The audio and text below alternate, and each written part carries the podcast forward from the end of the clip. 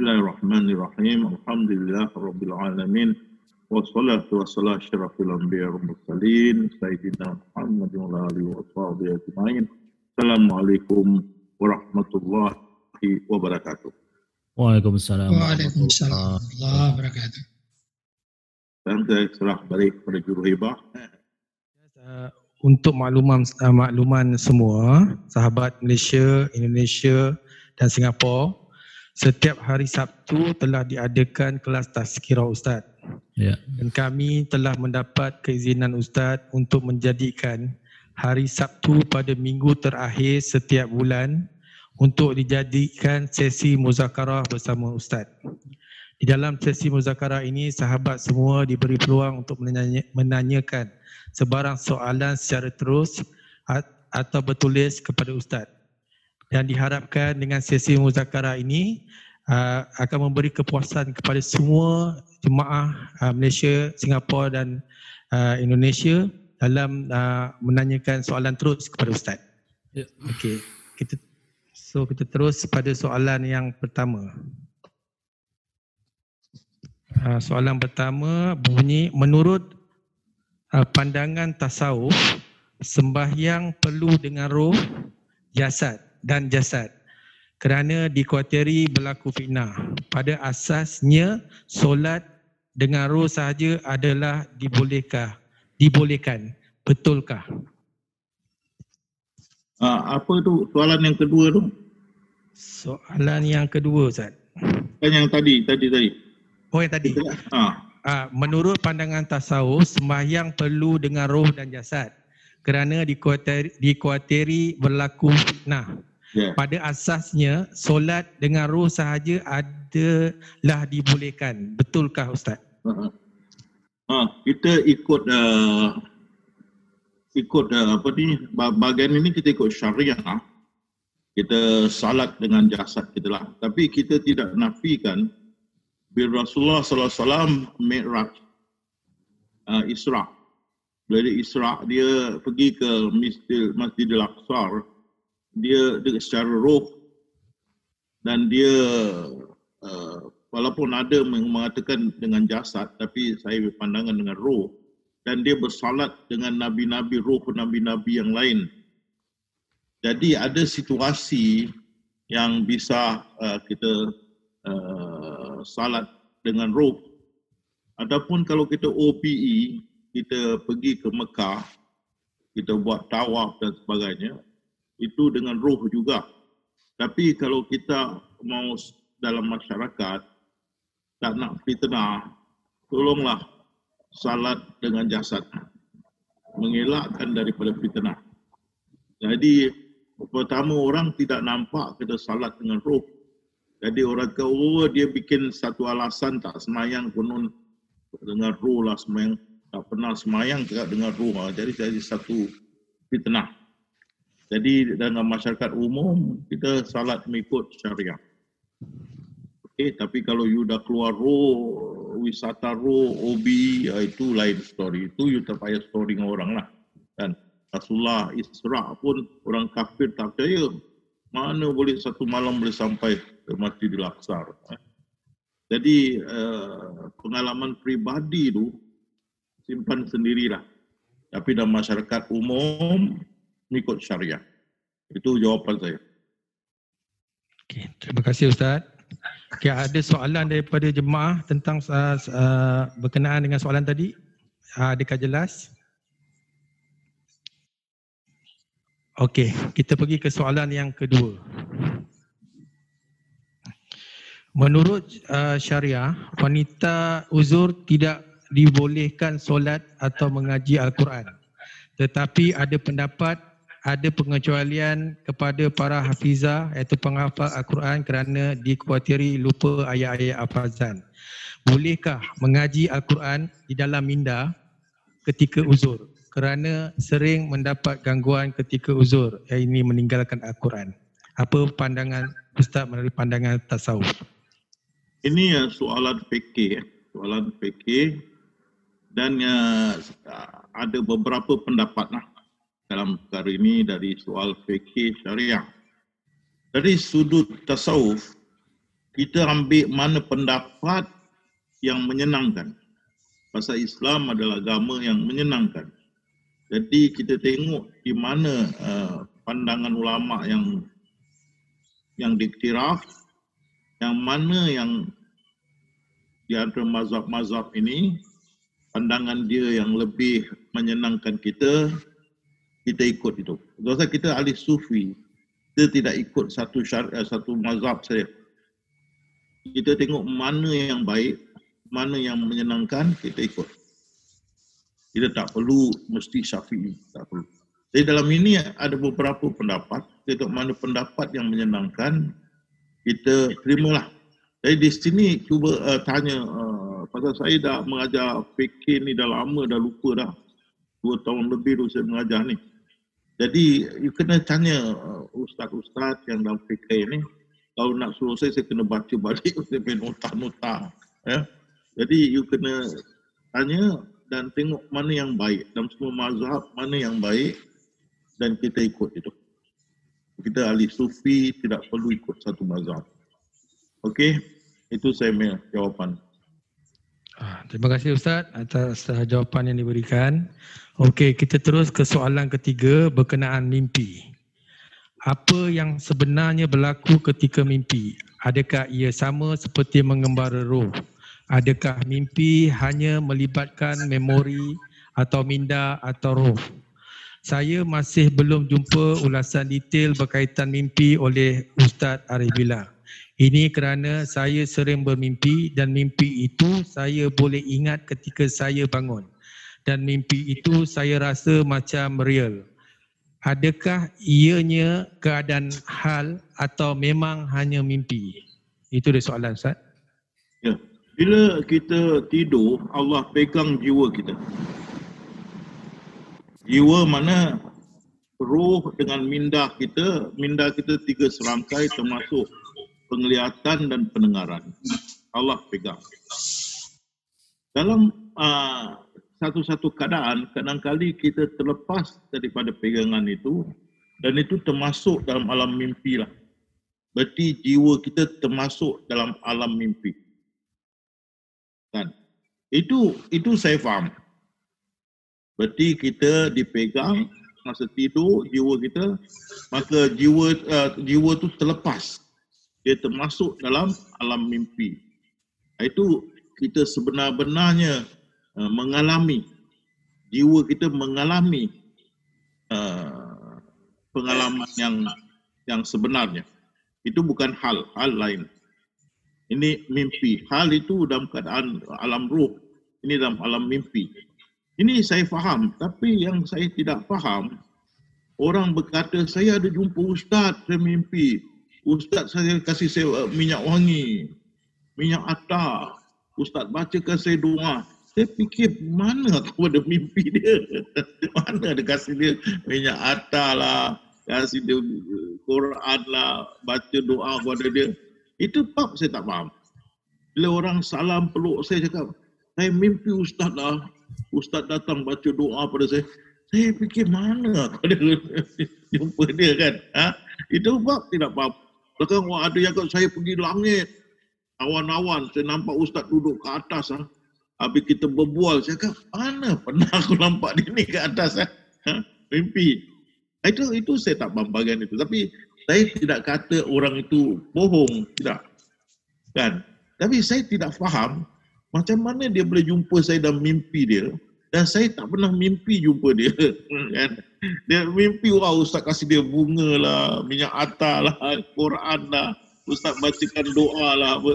Tapi saya tak pernah mimpi. Muka dia pun saya tak pernah nampak. Kan? Tapi salam, wah Ustaz gini-gini. Eh, macam mana ni? Itu saya tak faham. Ha, tapi kalau awak mimpi awak itu bila awak jiwa terlepas tu, ha, itu awak masuk dalam alam mimpi awak dikejar anjing ke, awak dikejar jin ke apa itu okey. Saya faham itulah. Tapi orang jumpa saya dalam mimpi dia, ini pelik betul lah. Tapi sekarang saya tidak faham. Saya tidak cakap dia bohong. Dia cakap benar. Tapi macam mana saya boleh masuk dalam mimpi dia bila saya tak pernah mimpi dia? dan tak pernah nampak muka dia kan. Ya, itu saya tak faham. Ha, belum ada ilmu di tangga sebelah situlah. Ha. Jadi kalau you jawab cakap Ustaz, saya mimpi Ustaz datang bacakan doa. Saya diam saja. Asal saya tak pernah mimpi begitu. Itu bab saya ada kurang faham. Jadi saya tak banyak cakap. Tapi kalau kita sendiri mimpi, ah, kita kena kejar anjing ke, kena itu, kena ini, kita mimpi, kita berjalan ke sana sini, ah, itu lain story. Ah, Itu biasalah, mana kita punya jiwa terlepas. Ah, jiwa terlepas. Kan? Ah, itu masuk alam mimpi itu saya faham. Tapi orang jumpa saya dalam mimpi dia, itu saya tak faham. Itu saya punya jawapan lah. Terima kasih Ustaz. Ah. Uh, mungkin dia terlampau rindu kat Ustaz kot. Dia rindu pun macam mana saya boleh termasuk dalam mimpi tu saya tak faham.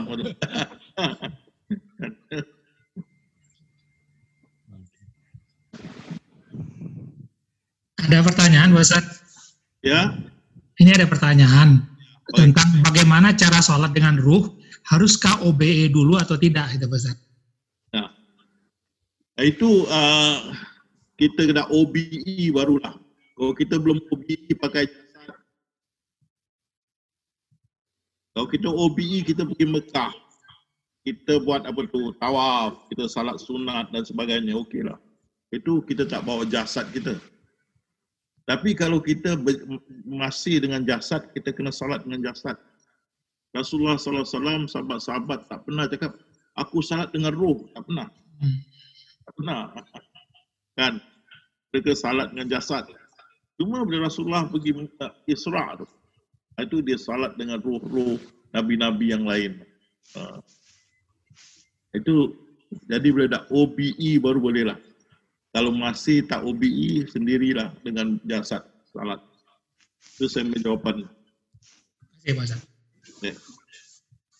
Uh, Okey, sebelum soalan seterusnya, uh, Bang Bayu, boleh kita buka satu soalan untuk uh, sahabat-sahabat bertanya secara terus? Ya, baik Bang, dipersilakan Bang. Baik kepada sahabat Indonesia maupun Malaysia yang ingin bertanya secara langsung kepada Ustadz, dipersilakan seperti biasa ya aturannya bisa dengan raise your hand atau dengan langsung menyalakan mic-nya dan menyebutkan nama dan dari mana asalnya. Baik, dipersilakan kepada yang sedang ada di Zoom, dipersilakan untuk bertanya. Assalamualaikum. Waalaikumsalam. Dari mana Ah, Bapak? Saya Zamri Ustaz eh, dari Kuala Lumpur. Ya. Okey, Ah, silakan. yang berkenaan mimpi tadi Ustaz. Ya. Ah, jika kita bermimpi bertemu dengan seseorang sama ada yang masih hidup ataupun yang telah mati, Hmm. Ah, adakah seseorang itu dalam mimpi tersebut ada ikat kalau dia ber, ah, kalau kita memimpi bermimpi ah, seseorang itu melakukan sesuatu yang baik? Hmm. dan adakah kalau mimpi itu bertemu seorang yang melakukan jahat adakah dia ada adakah dia karin ataupun uh, syaitan? Uh, mohon pencerahan Ustaz. Terima kasih. Satu kalau mimpi kita jumpa Rasulullah tu betul lah.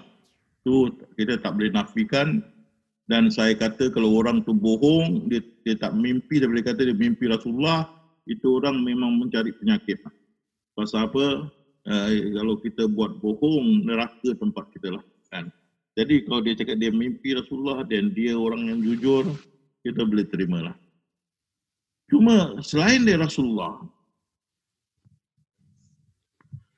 sudah dikatakan bahawa roh itu kembali ke alam barzak ada partition sekatan.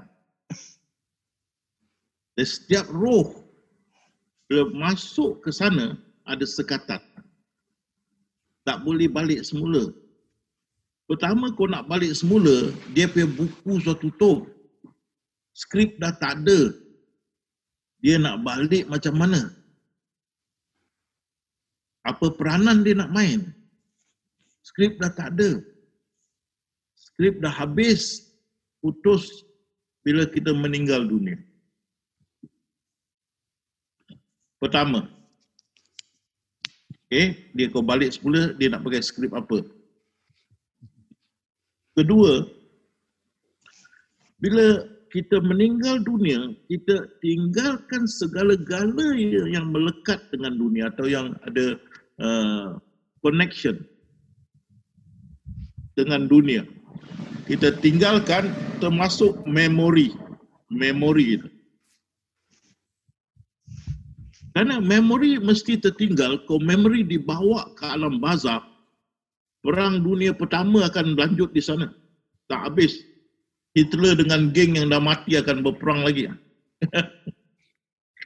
Dan uh, uh, Yamashita Jepun masih perang lagi, continue, sambung ke dekat lambat sana. Kan? Uh, uh, mana yang geram dengan mak, mak, mak, mak metua dekat sana bertumbuk. uh, tak boleh habis. Kan? Jadi memory tertinggal. Bila memory tertinggal, rupa kita pun tertinggal. Jadi, you nak balik nak pakai rupa apa? You dah tak ingat lagi. Rupa you pun you tak ingat. Dan roh itu adalah 33 tahun. Macam mana rupa roh itu seperti di alam azali dulu. Bila dia turun ke bumi, dia masuk ke jasad kita, bila dia mati, dia keluar balik. Itu roh muka dia pun kita tak tahu ke alam mazali, alam barzak pun kita tak tahu. Tapi bukan rupa yang di dunia ini. Rupa di dunia ini adalah mengikut jasad tu. Jasad tu sudah habis, roh sudah terlepas dari peranan dia. Dia kembali pada asal dia, dia balik ke alam barzak. Dia kalau dia nak balik sini pun dia tak kenal kita. Ya. Dan dia tak ada peranan nak main dan dia tak ada rupa. Macam mana dia nak balik semula? Cuma Rasulullah sallallahu alaihi wasallam saja boleh. Kan? Itu dia special category. Jadi yang selalu kita tengok ni adalah syaitan-syaitan karin yang menjerupa kita. Yang tahu hal ehwal kita. Jadi kita dengar, wah di India ada ini budak lahir dah 10 tahun. Dia berkata, oh dulu 20 tahun dulu aku lahir di tempat ini. Isteri aku nama gini, anak aku nama gini, aku mati hari ini, ini, ini. Semua betul. Jadi dia kata, wah sudah ada hulul. Hulul mana? Hidup semula. Reincarnation. Tapi sebenarnya ini, ini syaitan yang ajar budak ini. Bisikkan di minda dia, telinga dia. Dan dia cakap. Kan? Karin ni memang tahu hal ehwal kita dari A sampai Z pasal dia dampingan kita. Kan? Jadi, bila kita meninggal, roh kita sudah masuk ke dalam bazak tanpa memory. Dan itu tidak ada kacau di sana. Semua aman tak ada dendam menendam dan pasal dia tak ada ingat lagi macam orang kena dementia atau Parkinson ataupun uh, apa tu senile eh. senile uh, dalam bahasa Melayu apa tu?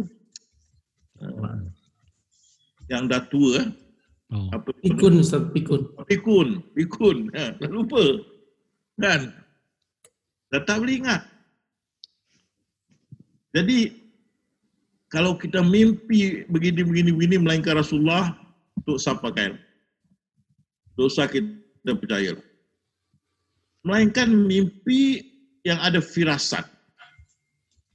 Seperti mimpi yang Allah nak memberi sesuatu uh, maklumat pada kita. Seperti nak uh, mimpi yang ditafsirkan oleh Nabi Yusuf alaihissalam. Di mana ada tujuh tahun uh, menuai dan tujuh tahun kering ya, ke, ke, kegeringan ya, ada. Itu mimpi yang berfirasat. Tapi mimpi yang ini ini, ini kita terus apakan. Ini semua syaitan. Hanya Rasulullah dia tak boleh menyerupa. Jadi kalau kita gini, kita nak percaya orang taruh kita satu pertanyaan ni kita jam.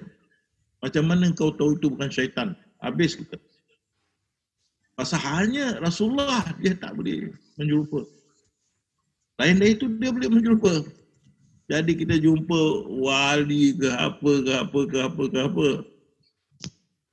Kita tak boleh pegang. Pasal hanya Rasulullah dia tak boleh menyerupa. Lagi satu, bila roh dalam alam bazak dan tidak berupa uh, dunia, tidak berupa rupa yang dunia lagi, dia terlupa. Dia dah tak ada memory. Kalau dia balik pun dia tak kenal kita. Kalau dia balik pun dia tidak rupa macam rupa di dunia pasal itu sudah habis. Peranan tu sudah habis, buku sudah tutup. Tak boleh. Ah, itu saya nak uh, jawapan saya lah. Itu dia. Ya, ya terima kasih Ustaz. Maaf Ustaz, ini ada pertanyaan serupa uh, dari suaminya Kak Arista dalam bahasa Inggris Ustaz. Does a soul after the death have the ability to spirit contact relative or people that still alive on earth. Jadi kalau diartikan maksud dia adakah roh yang sudah di alam bazak boleh kontak dengan Betul, kita di dengan dunia? yang sedang yang sudah masih hidup gitu. Tak boleh lah.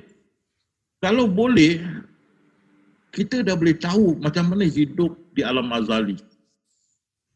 Tapi bila kita turun di dunia ini, kita lupa hidup di dalam azali sehingga tak ada satu orang pun tahu apa kehidupan di alam azali. Tak ada satu orang pun ingat bila Allah berfirman, Alastu birabbikum, tak ada orang ingat. Lupa. Begitu juga bila kita semua masuk alam bazak, kita lupa ni semua. Jadi macam mana dia nak kontak kita? Dia dah tidak ingat. Kalau dia boleh kontak kita, wah senang. Eh kau pergi tembak si Denny lah. Dia yang bunuh aku. tak boleh habis tu kan. yang lagi satu, eh kau pergi kat ni. Mak saudara kau bilang, eh mana bapak punya wang ah pinjam tu tak bayar-bayar. Tak, tak boleh habis story kan. tak ada, tak boleh. Dah ini Allah punya pementasan habis pentas di sini habis tidak boleh bawa ke sana. Okay. Seperti Adolf Hitler akan berperang kat sana. Dia punya geng yang mati semua ada kat sana. Dan dia boleh masuk, Hello, comrade. Sudah ready? Okey, tunggu. Masuk perang. habis alam bazak berperang. Tak boleh. Dan sudah habis cerita dunia. Balik ke sana. Itu pasal tak ada dapat ceritakan bagaimana hidup dalam alam barzakh. Apa dibuat, apa tak tahu. Tak ada orang dapat turun menceritakan. Kalau dia nak ceritakan pun dia tak kenal kita. Memory dia dah tak ada. Orang yang sakit dementia. Dia keluar rumah. Ah, ada, ada, ada. Keluar lah. Lepas tu dia lupa. Dia lupa rumah dia. Dan dia tengok anak-anak dia pun dia lupa. Dia tidak ingat. Sampai anak menangis. Mak dia tak ingat dia lagi. Dia pegang mak. Ini saya. Tak ingat. Orang dementia. Ya. Jadi bila alam bazak so lupa. Jadi tidak tidak mungkin dari sana boleh beritahu apa yang nak dibuat atau nak disampaikan. Itu saya punya pandangan. Ya, baik. Bang Azri masih ada soalan? Ah, ada, soalan? Ustaz. Habis. Ah, Okey, Abang Pak Mansur, Ya. silakan. Ya, Assalamualaikum Ustaz. Salam. Silakan Bang Masur. Eh, kalau gini gimana Ustaz? Itu ada orang mimpi, mimpi dia tahu yang apa terjadi besok. Dan itu betul. Oh. Wah itu tak ada masalah itu. Oh si botak selalu mimpi betul. Tahu tak si botak yang baju oren lah kan? Eh. Oh, Saulin, Saulin. Saulin, Ah. Saulin. Saulin. Ah, Taulin, ah. Tak Sami, Sami Buddha. Ah. Oh. Selalu mimpi betul, tak mimpi pun betul juga. Pasal dia ada spy. Oh. Naik ke langit pertama, spy dengar. Oh. Ini Siti Aisyah cerita. Siti, Siti Aisyah radhiyallahu anha, ah, dia isteri Rasulullah. Dia cerita. Syaitan mendengar spy ke atas langit pertama, dapat maklumat, dia turun dan sampaikan kepada kuncu-kuncu dia ke bawah. situ. Dan kunci-kunci ini rapat dengan si botak. Jadi si botak boleh ramalkan apa akan terjadi. Itu satu. Kedua, ada yang ada kadam jin dan jin ni akan beritahu, oh dia ni lagi sekejap mau sampai rumah. Dalam 15 minit akan sampai. Wah kira, oh tunggu nanti dia ni akan datang, betul-betul datang, wow. Dan kita ada satu uh, Rai Baba, uh, dia punya pengikut pak jatuh dari daripada apa, ceiling jatuh, uh, emas lah, uh, batu bata lah, macam-macam lah. Syaitan bekerja, jin. Ya. Jadi kalau kita ada kadam, kadam jin, dan kita punya hamba, dia boleh macam-macam spy, dia boleh. Atau kita berdamping dengan apa kita jadi tok guru ataupun berdamping dengan Shaolin ni kan eh? Ha, kita boleh dapat macam-macam maklumat daripada langit kan jadi kita tak ada hairan tentang inilah itu punya jawapan Baik. Baik, kembali ke Bang Azri, masih ada soalan-soalan? Okey. Okey, soalan uh, nombor empat. Uh, apakah yang dimaksudkan kerana Allah dalam setiap niat amal ibadah yang juga menjadi syarat ikhlas? Semua pun bin niat eh. Kita punya amal bin niat. Semua pun bin niat. Jadi kita buat untuk siapa sebenarnya? Tapi ini niat mestilah ikhlas. Kita salat, kita cakap kerana Allah, tapi fikiran kita ke mana, ke mana, mana saja. Nabi Isa cakap, engkau sembah apa dalam fikiran kau. Kan? Kalau engkau penzina, engkau sembah dalam fikiran kau pelacur. Kalau engkau orang yang kuat makan, belojo, maka dalam fikiran kau, Tuhan kau telah makanan. Orang yang sangat uh, apa tu lokit dengan harta, wang ringgit. Maka dalam fikiran dia, Tuhan dia lah harta dan wang ringgit. Jadi bila kita cakap, kita lindahi Allah, kita buat mesti dengan jujur. Kita buat kerana dia. Tak ada kita semayang kuat, wah tak pernah semayang tahajud. Ali-ali malam-malam bangun saya tahajud. Kerana mak mertua dah datang rumah. mak mertua datang tidur dua tiga hari kan. Wah kita pun bukan saja 20 setakat 20 aku tambah 30 lah. Pasal mak mertua ada kan. Wah salat 30 sampai dai berdarah. Itu bukan itu walaupun lillahi ta'ala niat kita soal lagi lain. Jadi kita semua pun amal bin niat. Kalau kita bin niat untuk Allah untuk Allah itu pasal kita Alhamdulillah syukur kepada Allah kita ahli tasawuf atau ahli sufi kita memang bila kita salat memang khusus untuk Allah. Tak ada kata dua. Memang untuk. Itu syukurlah kebanyakan kita begitulah. Ha? Jadi itu jawapan saya. Okey, terima kasih Ustaz di atas, di atas pencerahan yang diberikan. Okey, ini soalan bertulis yang terakhir daripada saya. Yang soalan ni cukup popular lah. Bagaimana kita mahu tahu yang zikirullah kita itu sudah benar dan mantap. Adakah cara untuk mengesah adakah cara untuk mengesahkan perkara ini? Mohon pencerahan Ustaz. Ya, pertama saya dah katakan teruskan zikrullah. Teruskan zikrullah seberapa boleh, teruskan zikrullah. Dan walaupun ada hate, kita masih boleh zikrullah. Ingat Allah itu mesti dilatih. Setiap masa mau latih. Sehingga Allah bisa tegal biasa. Bila kita tahu dia mantap, ini bila hati terjaga.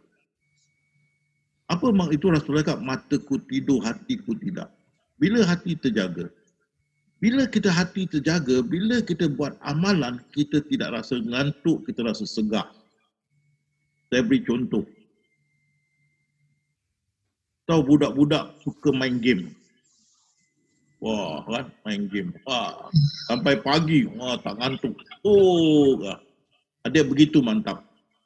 Hari-hari syuk sampai ketagih syuk. Tak rasa ngantuk, tak rasa lapar. Jadi kita hati terjaga bila kita ibadah kita tak rasa ngantuk. Bila kita salat uh, tahajud tak rasa ngantuk. Bila kita duduk ingat Allah lama-lama lama tidak rasa ngantuk dan kalau rasa ngantuk akan datang signal. Stop macam terasa badan lemah. Uh, kita tahu boleh stop. Kalau tidak dia steady mantap. Dia tidak ada gangguan uh, yang kita nguap nguap nguap tak ada nguap nguap story kalau kita mantap kita bangun kita salat pun ringan nak salat pun ringan kita tidak rasa ngantuk bila kita buat ibadah. Kan? Ha. kita stabil stabil. Mana hati aku jaga mataku tutup hatiku jaga. Jadi kalau kita mantap kita punya ibadah stable. Dan kita punya zikrullah stable dan tidak macam rasa muak, rasa penat, rasa ngantuk, tak ada. Dia hilang. Tak ada dalam kamus kita rasa penat, ngantuk uh, dan sebagainya. Kita mampat, kita uh, tetap. Itu kalau hati dah terjaga. Kalau nak tahu kita mantap, itu tanda-tandanya. Tidak rasa penat, tidak rasa lelah, tidak rasa ngantuk bila beribadah dan dapat keringanan dalam ibadah. Mana kita boleh uh, tiap-tiap hari kita konsisten, konsisten. Kita sudah rasa nikmat ibadah. Konsisten. Itu jawapan saya. Ah, terima kasih Ustaz atas pencerahan yang diberikan. Uh, Abang Bayu, mari kita bukakan soalan kepada jemaah yang ingin bertanya mengenai uh, zikrullah. Ya. Baik, uh, kita kembali ke floor. Sahabat yang tergabung di Zoom, masih ada pertanyaan yang akan disampaikan langsung kepada Ustaz, dipersilakan. Kalau tidak ada, saya lanjutkan dengan pertanyaan yang tertulis di WA dan chat. Apakah ada yang akan bertanya langsung? Enggak ada ya. Oke, sambil menunggu yang lain, Ustadz, uh, ini ada pertanyaan, ada dua pertanyaan dari Bang Rusdi. Rusdianto. Jadi beliau bertanya minggu lalu Ustadz um, memberikan pencerahan mengenai hakul yakin. Apakah benar setelah hakul yakin ada lagi peringkat yang lebih tinggi seperti kamalul yakin? Jika benar itu ada, seperti apakah yang dimaksud dengan kamalul yakin tersebut? Nah, itu saya tak pernah dengar kamalul yakin. Oh nggak ada. saya tidak pernah dengar kamu yakin ataupun uh, bila saya buat kajian uh, selama 30 tahun daripada tahun 78 tak pernah jumpa kamu kamu yakin ya. tapi kita ada jumpa apa tu uh, uh, insanu insanu yakin insanu uh, perfect man perfect man uh, sempurna lah. Insanu apa tu? Insanu insan kamil insan kamil. Insan kamil.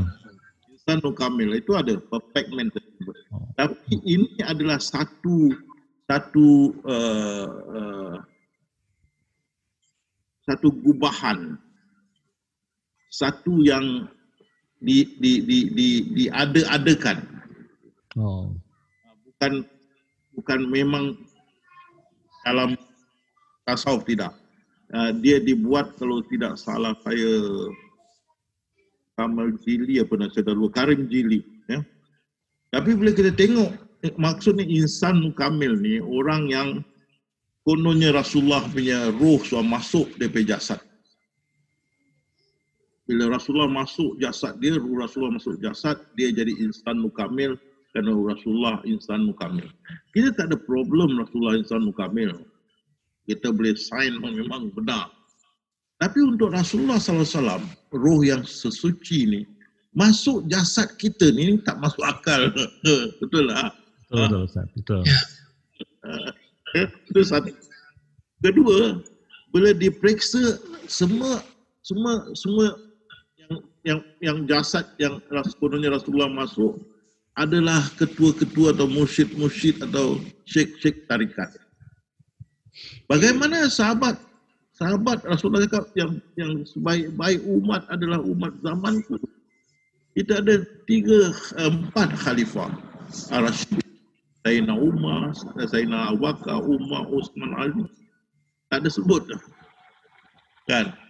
Jadi itu pasal kefahaman ni insan kamil ni tertolak Dia tergugur. Sampai sekarang tak ada orang ungkit lagi pasal ini. Jadi tahu saya cuma sampai hakul yakin. Aku yakin. Ya. Itu. Baik Ustaz, satu lagi pertanyaan dari Bang Rusdi Rusdianto. Bagaimana agar kita melakukan sholat, ibadah, dan aktivitas yang lain senantiasa dalam keadaan ihsan? Eh, ihsan ini tak payah kita itu, kita ahli marifat sudah tahu. Sebenarnya ahli marifat kita ni sentiasa kita dalam dalam apa tu uh, kefahaman kita ni ihsan. Kita sedar tak sedar tapi kita tahu kita ihsan.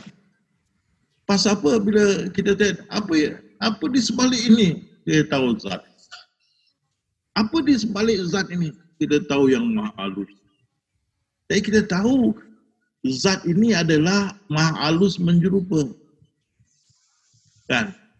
Jadi kita boleh la mau la maujud tu kita nampak. Bila kita nafikan sifat hakikat nampak yang maha halus. Kita tak nampak Allah itu dah waktu wujud yang maha halus. Jadi ihsan tu setiap masa kita melihat dia atau ketahui dia melihat kita. Dan ini ilmu sudah mantap dalam kita. Sudah sampai ke peringkat akul yakin. Tak ada lagi ilmu yakin, ainul yakin, akul yakin. Ditanya apa di sebalik ini? Zat. Apa di sebalik zat yang maha halus? Seperti sudah melihat air kita boleh melihat air batu. Uh, melihat air batu, kita melihat air. Kita melihat air, kita tahu datang daripada tasik. Dan tasik itu datang daripada lautan. Kan? Jadi, kita tahu, bila kita lihat kita nampak terus kepada tasik. Di Indonesia pun panggil tasik ya. Danau. Danau. Danau kita setiap masa dan peringkat eh- ihsan itu yang Syawaliullah berkata hanya orang yang sudah bermakrifat bisa beribadah dalam taraf ihsan. Betul. Kalau betul awak sudah faham ini ilmu, maka tidak tak ada masalah bertanya apa di sebalik ini semua? Zat. Apa di sebalik zat yang maha halus? Kita sudah faham. Dan kita tahu di sebalik ini yang maha halus melihat kita. Itu dia ehsan. Bukan saja kita tahu dan kita tahu juga kita melihat yang maha halus itu yang datang gegaran, yang duduk sampai menangis. Kan? Ha. Kita sudah sampai peringkat itu. Jadi ehsan itu sentiasa sama ada dalam salat, dalam ibadah, luar ibadah, peringkat ehsan dengan kita sentiasa. Selagi kita faham dengan ilmu, itu pasal dikatakan uh, jangan kamu panggil diri kamu ahli sufi selagi kamu belum bermakrifat. Kan? Terus bila kita dah bermakrifat tu itu Syawalullah berkata hanya orang sudah bermakrifatlah sentiasa dalam peringkat esah. Jadi jangan kita fikirkan memanglah macam okey saya uh, uh, warga negara Indonesia. Tidak payah kita fikirkan.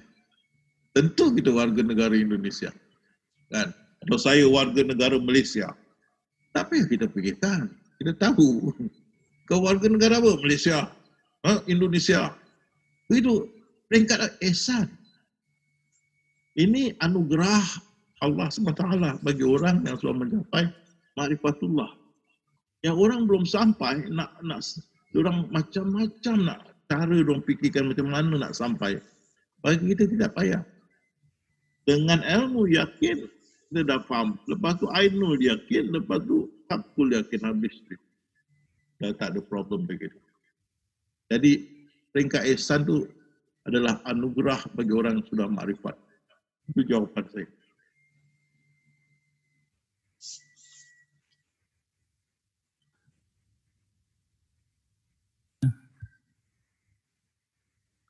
Ya, terima kasih Ustadz atas jawabannya. Kemudian eh, kita kembali ke floor, ke rekan-rekan semuanya.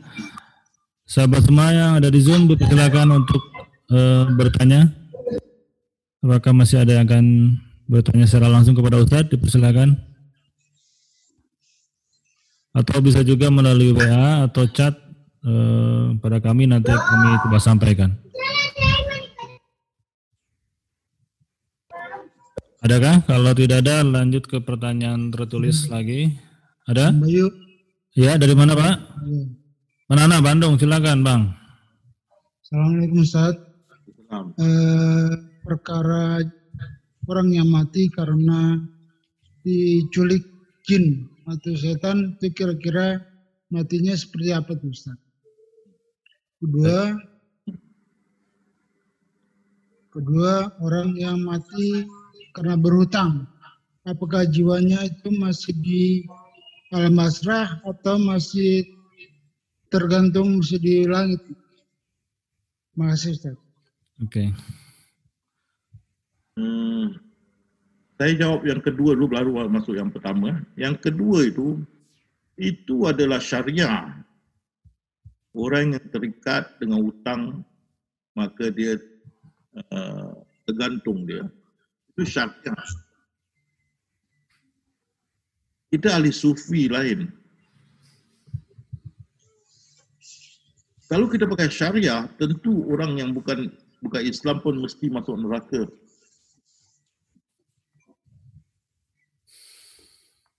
Tapi kita ahli sufi lain.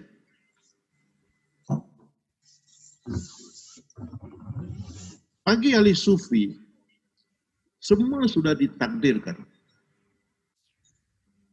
Kamu berhutang tak boleh bayar pun dah ditakdirkan. Hmm. Kamu mesti buat seperti Nabi Adam AS. Mesti makan buah alkum itu. Mesti makan. Pasal sudah dituliskan 40 tahun sebelum dia dijadikan. Mesti buat. Ini dipanggil takdir. Dan bahasa orang putih predestination. Sudah ditetapkan. Kita tidak ada pilihan. Syekh Abdul Qadir Jalani berkata, tak ada pilihan. Rasulullah SAW berkata, kalau kamu kata kamu boleh ubahkan takdir itu, sesuatu yang kamu kena kamu boleh elakkan. Sesuatu yang kamu, kamu tak tak boleh kena kamu boleh kenakan. Mana kamu boleh ubah takdir. Maka tem, tem, tempat kamu suatu tentu neraka. Juga Rasulullah SAW ada bersabda selagi kamu tidak boleh terima takdir baik dan buruknya takdir. Kamu belum beriman dan apa sedekah pun kamu beri ditolak oleh Allah Jadi setiap yang kita lakukan Ya Allah firman kun sudah tertulis. Kita mesti ikut. Tak ada, tak ada, tak ada kata dua lagi, tak ada pilihan. Adakah kita pilih nak sakit?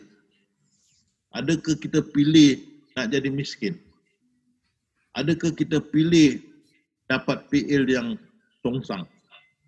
Adakah kita pilih tak nak mati? Adakah kita pilih menjadi rakyat Indonesia? Rakyat Malaysia? Rakyat Singapura? Adakah kita pilih menjadi Jawa, Boyan, Bugis, Melayu, Cina? Tak ada. Adakah kita pilih tak mau berumur? Tak boleh. Semua dah ditetapkan. Setiap kita sudah dikalungkan buku takdir kita di leher kita. Semasa kita lahir. Dan kita akan ikut ni sehingga hari kebangkitan. Tidak ada pilihan. Jadi di sini yang orang barat atau orang yang bukan Islam marah. Di sini juga ahli syariah jam. Tak boleh mengatasi. Orang barat marah kerana kalau takdir semua takdir tak ada pilihan.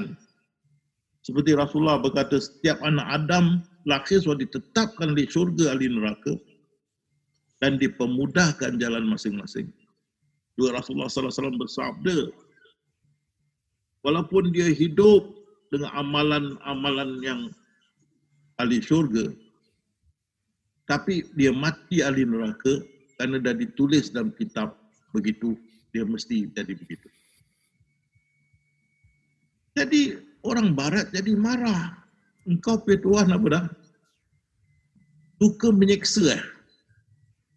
Jadikan ciptaan untuk menyeksa tetapkan dia kafir, habis seksa dia. Ini Tuhan kau, itu orang barat. Di Korah selalu timbulkan. Dan kita pula cakap, wow, ahli syariah. Orang kafir mesti masuk neraka, mesti masuk neraka. Lagi marah dia. Dia cakap, kenapa aku tidak minta dilahirkan, dijadikan? Kenapa aku mesti dijadikan dan untuk Allah menyeksa aku macam kesukaan dia. Tadi syariah tak berani jawab, takut. Dia mengatakan, ahli syariah mengatakan Allah ni tidak fleksibel, Allah tidak tahu berjenaka, Allah ni serius, Allah suka menghukum, Allah suka torture orang, Allah ni zalim dan sebagainya. Dia menciptakan manusia untuk di uh, dizalimi. Tapi Allah berfirman, aku tidak menzalimi. Ciptaanku walaupun seberat lebih kecil di, uh, di atom. Tidak aku hanya. Tapi mereka salah kefahaman. Kita tahu Allah kata neraka, neraka, neraka, neraka. Dia sampai saat ini tak ada orang dalam neraka lagi. Jadi apa yang diperkatakan hanya ugutan. Ugutan. Belum terjadi. Kan? Belum terjadi. Akan terjadi kan?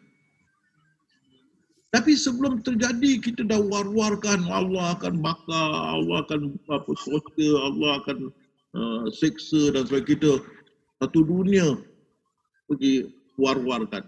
Seperti Allah itu zalim. Dan kita suka Allah begitu.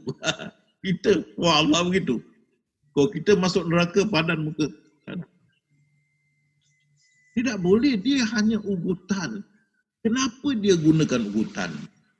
Pasal pada masa Rasulullah, ini semua musyrikin jahat-jahat. Bunuhlah pengikut-pengikut Rasulullah. Apa tu? Uh, injured Rasulullah mana uh, melukai Rasulullah. Cuba mau bunuh Rasulullah. Hidup penuh dengan maksiat tidak ada pelajaran. Tidak tahu menulis tak tahu membaca kebanyakan. Utuh huruf.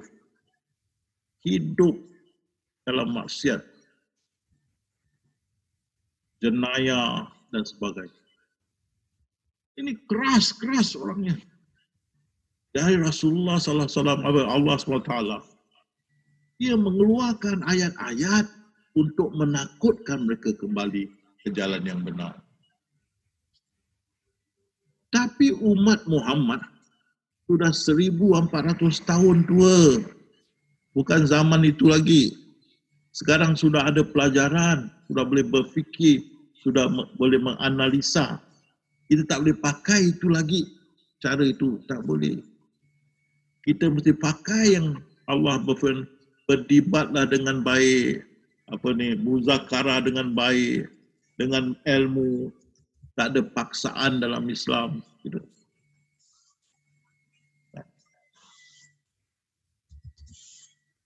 Eh, kita Allah tidak kasih jalan untuk kita mengatasi mereka bila mereka dah berdamai dengan kita dan tidak uh, berperang dengan kita.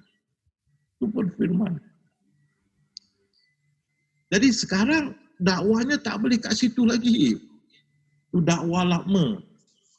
Dakwah baru lain. Dan jadi di sini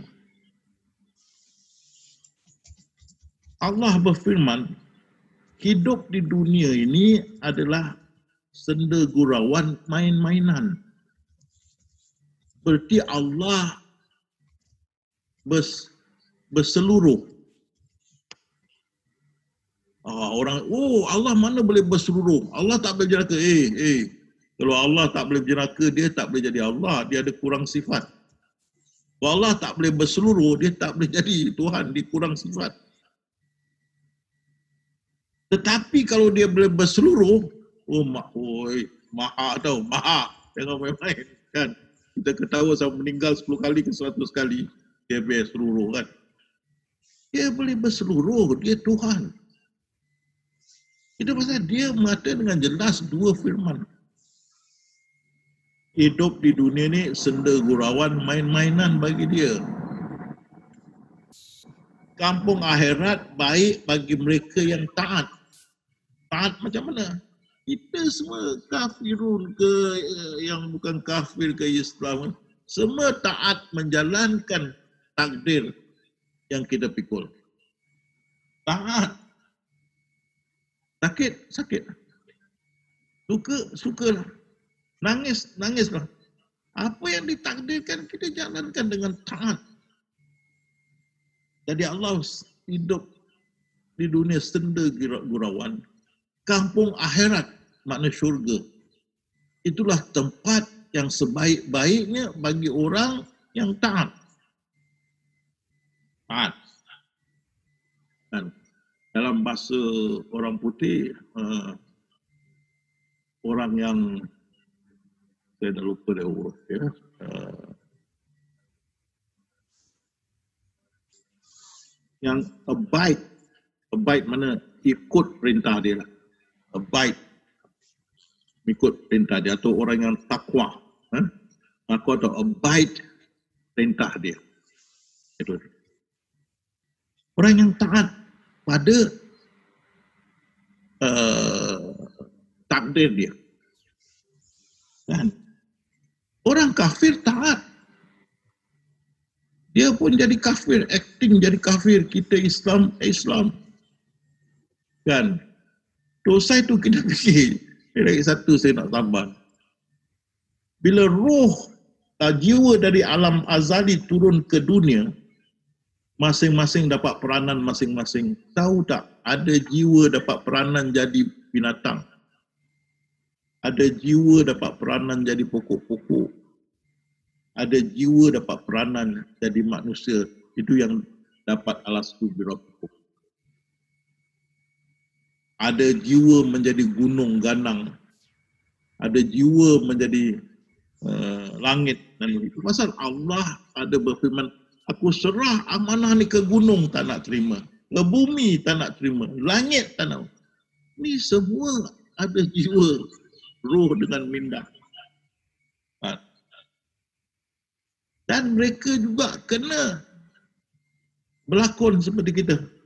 Sandiwara ilahi.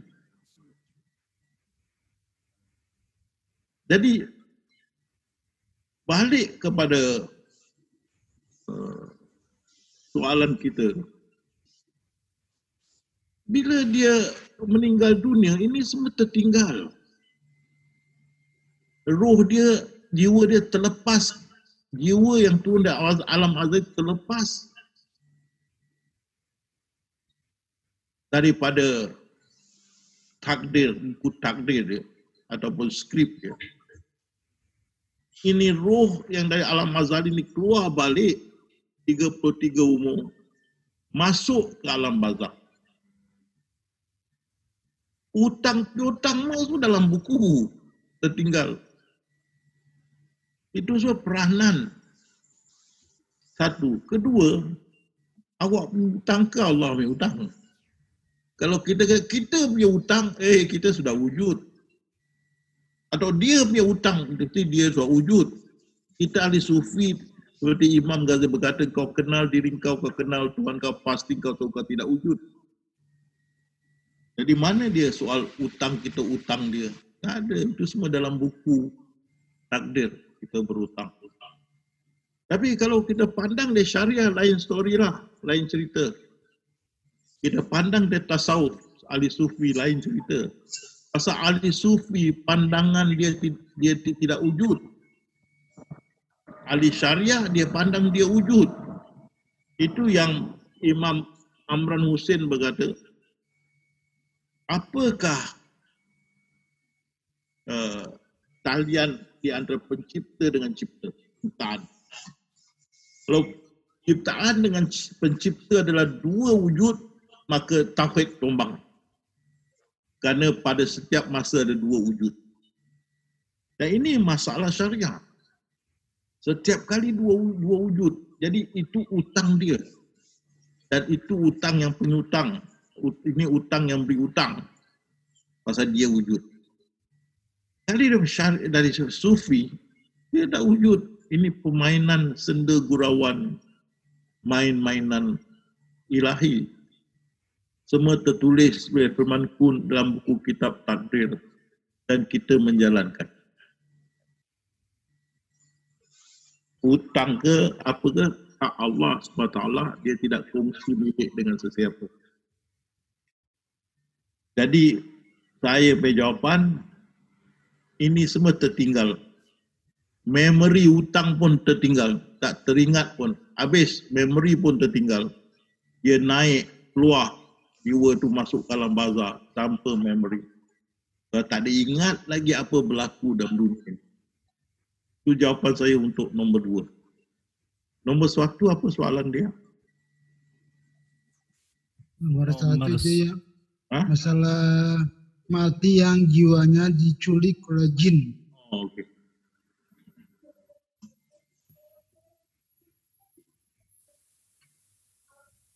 mati ni.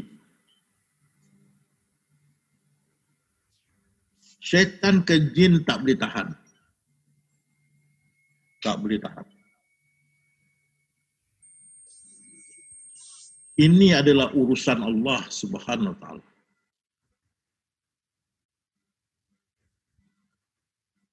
Jadi orang yang buat perjanjian dengan jin, kita nanti cakap pasal orang yang yang ditangkap oleh jin tapi orang yang buat perjanjian dengan syaitan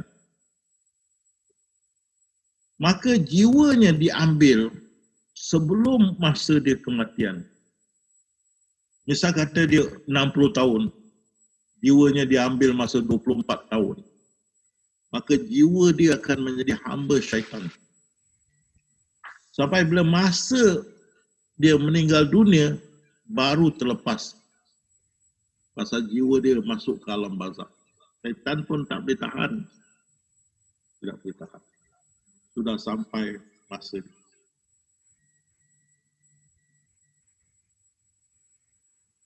Jadi orang yang mati kena gangguan syaitan ke apa kan? Sama juga. Mati ni urusan Allah. Allah akan mengirimkan malaikat maut untuk mengambil nyawa kan? Boleh diambil nyawa tapi sebelum diambil nyawanya jiwa dah keluar dah. Dah masuk alam bazak pasal sudah sampai masa buku ditutup maka jiwa keluar dan masuk alam bazak jadi dari segi kematian jin syaitan tidak boleh menahan dia hanya gunakan kita belum sampai masa kita mati. Betul di diperhambakan 24 tahun umur kita, kita mati 60 tahun, ah, itulah masa kita diperhambakan. Bila mati, kita terlepas. Oh, jiwa kita tak berdosa.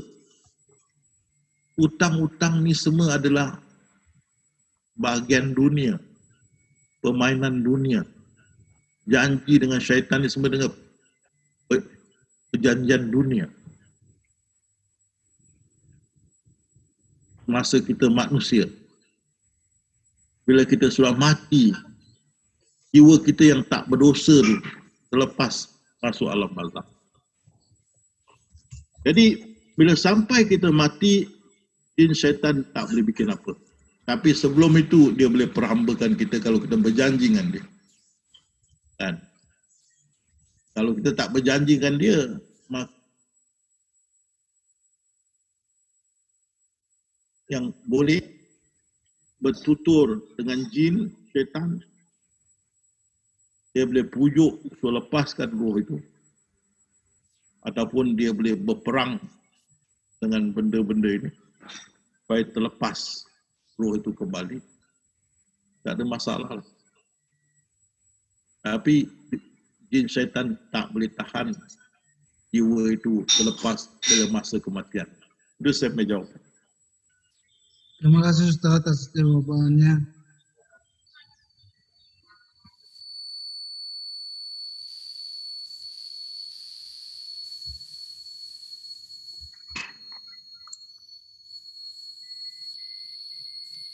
Ada pertanyaan ini Pak Ustaz. Ya. Uh, Assalamualaikum Pak Ustaz, izin bertanya.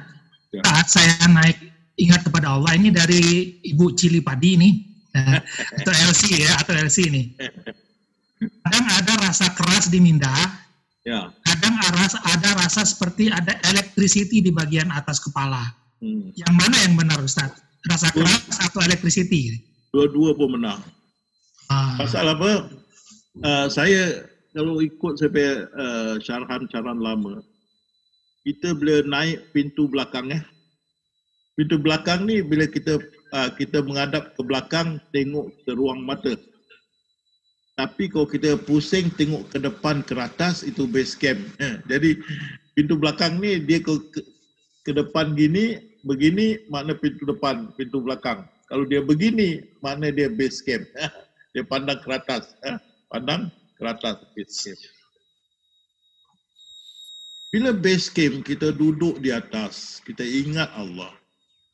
Memang memang memang ada pejal-pejal. Dan kadang-kali kita punya ingatan tu dia naik. Tapi saya eh, pesan jangan tekan. Bila kita tekan tu, kita boleh kena vertigo. Kan? Atau pening ataupun demam pun boleh. Jangan tekan biasa saja ingat dia. Lama kelamaan dia boleh naik macam transmission. Radio transmission tu naik untuk uh, contact link dengan Allah SWT. Jadi tu naik sejengkal, se, uh, apa ni, sehasta, bahkan tu sedepa dan seterusnya. Itu yang macam electricity lah. Kan? Itu saya uh, uh, tapi lama-lama lama kelamaan eh, eh, rasa letras itu menjadi eh, biasalah lali lali biasa. Jangan kita itu dan rasa pejal tu pun jadi biasa lah kan? Ala bisa tegal biasa. Itu saya menjawab terima kasih Ustaz. Tanya mohon izin tanya Ustaz. Ya. Assalamualaikum Waalaikumsalam. Ini Jember Ustaz. Ya. Amin alaidin wal faidin Ustaz. Sama-sama. Alhamdulillah. Uh, ini Ustaz, saya pernah baca di kitab Minhajul Abidin uh, karangan ya. Imam Ghazali Ustaz. Yes.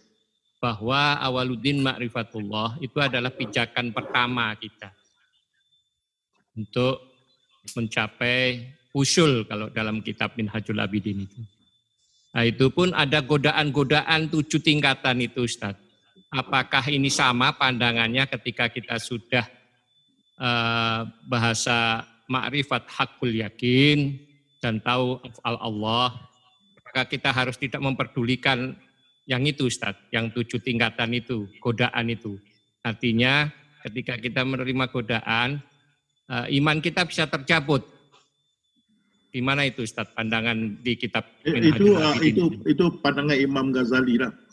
Iya, betul. Ya, bagi kita insya-Allah tidak kita tidak perlu khawatir pasal itu. Pasal zaman kita dengan zaman dia lain. Zaman kita kita lebih terpelajar. Maksud kita punya zaman kita punya umat zaman ini lebih terpelajar. Dari perkara-perkara yang dulu menjadi berat, sekarang tidak lebih ringan. Jadi bagi saya, untuk mengatasi ini, saya sudah ajar, ingat Allah sentiasa. Dan saya tunjukkan cara juga macam mana nak ingat Allah. Seperti kita ingat dia fokus kunci istiqamah. Dan untuk mempertahankan ini, baca Allah wahad banyak-banyak. Taruh ke dalam minda. Di bawah base camp. Bila kita penuhkan ini, dia tidak dapat masuk. Di sini, saya lebih dekat ataupun saya ada persamaan dengan Syekh Abdul Qadir Jalan. Dia berkata, masuklah kamu ke bilik halwat kamu seorang-seorang, seorang diri. Ana masuk dan mindah, duduk pintu belakang atau base camp sendiri. Dan sesudah itu dirilah dengan pedang tauhid yang kasih apa pun masuk. Tetapi kita tidak payah kita hanya masukkan ayat tauhid di bawah base camp. Penuhkan. Supaya syaitan tak payah goyang-goyangkan kita di base camp. Kan? Itu kita baca surah ikhlas. Nah, di sini kita tengok nak. Bagi Imam Ghazali punya masa, buku bukanlah senang nak dapat, buku bukanlah murah. Zaman Syekh Abdul Qadir Jalani pun lebih kurang sama. Zaman kita buku bukan main senang dapat. Kita boleh baca dan faham sebagai uh, sahabat baca Mihajul Abidin ini. Banyak orang tu sudah baca ramai. Jadi kita punya taraf sudah lain. Jadi bagi saya tak perlu tu tujuh. Seperti Syekh Abdul Qadir Jalani tapi dia pakai pedang tauhid. Dia tidak terangkan apa tu pedang tauhid. Ya, kita masuk duduk di base camp. Dia kata pedang tauhid. Saya tidak. Saya kata ayat tauhid. Kita masukkan di dalam bawah base camp.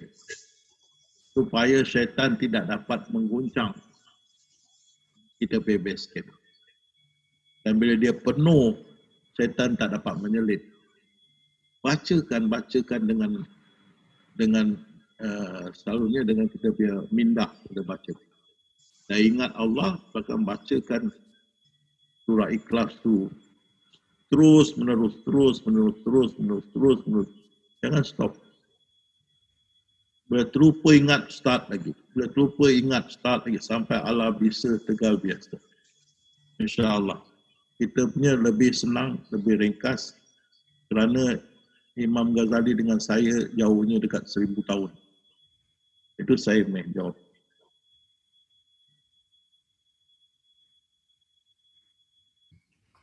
Ya, baik. Terima kasih Ustaz atas jawabannya. Uh, selanjutnya saya akan coba bacakan. Sekali lagi Ustaz. Bagaimana? Masih ada, Bang? Ustaz. Ya. Jadi gini, setelah kita praktekkan uh, untuk yang diajarkan Ustadz, hakul yakin dan afal Allah kita sudah yakin. Hmm. Uh, itu dalam perjalanannya seperti ringan, mudah, dan kita selalu diberi kenikmatan. Apakah itu jalannya Ustaz? Cukup itu seperti itu ya? Yang, uh,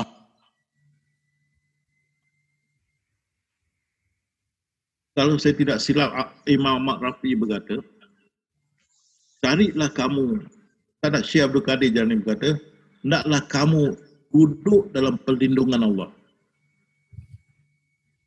Jadi di sini yang Allah berfirman, bagi orang-orangku, orang-orang Allah, tidak ada kekhawatiran bagi dia. Jadi di sini, bila kita sudah faham, seperti kita dah makrifat dan kita faham afal dia, kita tidak gaduh sifat dia afal dia, kita sudah faham, betul faham.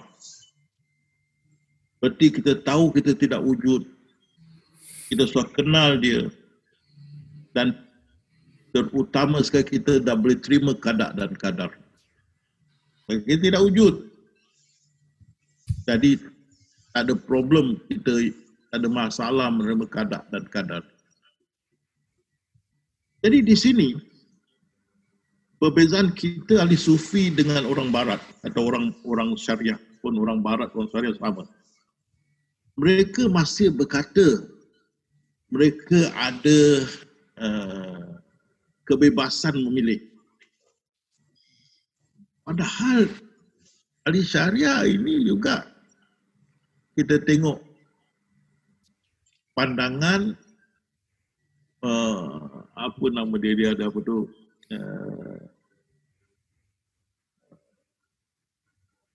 ini pandangan yang ditolak oleh mereka tapi mereka pakai balik ini yang mengata kita ada mindah jadi kita boleh ubah kita punya uh, uh, masa depan ada Jabariyah, ah, ini Mutazilah, pandangan Mutazilah. Mereka balik kepada sini. Berarti Allah tidak akan menolong seseorang itu, melainkan seseorang itu menolong diri dia. Berarti kita mesti usaha dulu, baru Allah Ta'ala tolong. Berarti kita ada kebebasan memilih. Padahal ini pahaman Mutazilah yang ditolak. Orang barat pun mati-mati berkata kita dah free will. Kebebasan memilih. Jadi, kita tanya diri kita. Allah SWT firman, ketetapan aku tidak akan berubah. Sunnah Tullahku tidak akan berubah. Berarti apa dah tertulis di loh mahfuz tidak akan berubah. Termasuk takdir kita tidak boleh diubah. Kalau boleh diubah, kita lebih pandai daripada Allah. Mustahil. Tetapi bagi mereka yang menerima takdir, mereka sudah memilih Allah Subhanahu Wa Taala yang sebaik-baik dan bahasa orang putih planner. Sebaik-baik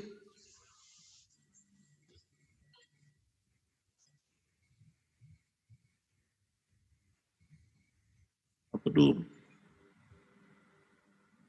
Perancang. Ah, sebaik-baik perancang. Terima kasih Bu. sebaik-baik perancang. Tak ada yang boleh mengatasi Allah Subhanahu taala. Sebaik-baik perancang. Dan itu pasal Allah berfirman, adakah kamu ingat apa yang aku sudah tuliskan atau takdirkan tak ada hikmah. Allah. Eh. Ada kau ingat semua aku takdirkan tak ada hikmah. Sia-sia. Malu kita. Ada faedah, ada keadilan, ada ilmu dan macam-macam lagi. Mungkin apa yang kamu tidak suka ada kebaikan banyak padanya. Allah tak dalam takdir itu. Sebaik-baik perancang, tak ada yang dapat mengatasi Allah perancang yang terhandal. Loh, kalau kita ambil kebebasan memilih, siapa kita nak ambil jadi perancang kita? Diri kita, mak bapak kita, sahabat-sahabat, profesional. Adakah mereka boleh mengatasi Allah perancang yang terhandal? Fikir di sini. Kamu ambil perancang yang terhandal atau kamu nak ambil perancang manusia biasa? Jadi bagi kita, ahli sufi, kita sudah pegang pada Allah. Perancang yang terhandal. Kita terima takdir itulah terbaik yang terbaik bagi kita. Jadi kita relax. Apa pun berlaku kita kata inna lillahi wa inna ilaihi rajiun. Kita yakin pada itu. Tak ada masalah. Ini Allah cakap orang yang dapat petunjuk, yang dapat rahmat. Pasal kita aman. Kita yakin perkara apa berlaku, kita tahu ini terbaik pasal dirancangkan oleh perancang yang terhandal Allah SWT. Ya. Bagi mereka yang tak dapat pegang ini, dia ba, ba, dia balik kepada kebebasan memilih rancangkan manusia biasa kadang-kadang boleh lungkupkan harta kamu habis dia rancang salah ha? dia tidak mengetahui Allah maha mengetahui maha bijaksana ha? jadi balik kepada soalan pasal tu bila kita sampai ni peringkat kita aman. Tak ada masalah. Kalau ada masalah pun kita balik NST naik serah dan tunggu. Relax. Ke atas. Duduk itu belakang diam-diam. Alhamdulillah. Itu saya punya jawapan. Ya baik. Terima kasih Ustaz atas jawabannya. Baik uh, saya kembali ke pertanyaan-pertanyaan tertulis. Ini ada pertanyaan masuk dari Bang Ahmad Saipudin begini Ustaz ini pertanyaan masuk tertulis berkaitan dengan alam barzah Ustaz. Di alam barzah, apakah jiwa-jiwa itu hanya menunggu datangnya kiamat? Jika iya, apakah mereka tidak bergantung dengan waktu? Yang mati ribuan tahun yang lalu, apakah tidak bosan begitu Ustaz? Itu pertanyaan pertama Ustaz. Pertama, eh, dalam alam barzak tak ada waktu. Tidak ada waktu. Jadi hari ini, hari esok, hari lusa sama juga. Tak ada waktu. Lah. Jadi kerana ada, tak ada waktu tu kita tak tahu lah. Kalau dikira sehari boleh jadi beberapa ribu tahun pun kita tak tahu. Dia tak ada waktu. Kedua, roh kita dan juga uh, minda kita ataupun jiwa kita dicipta. Bukan lahir. Dicipta uh, roh kita 33 tahun maka sampai bila-bila pun 33 tahun.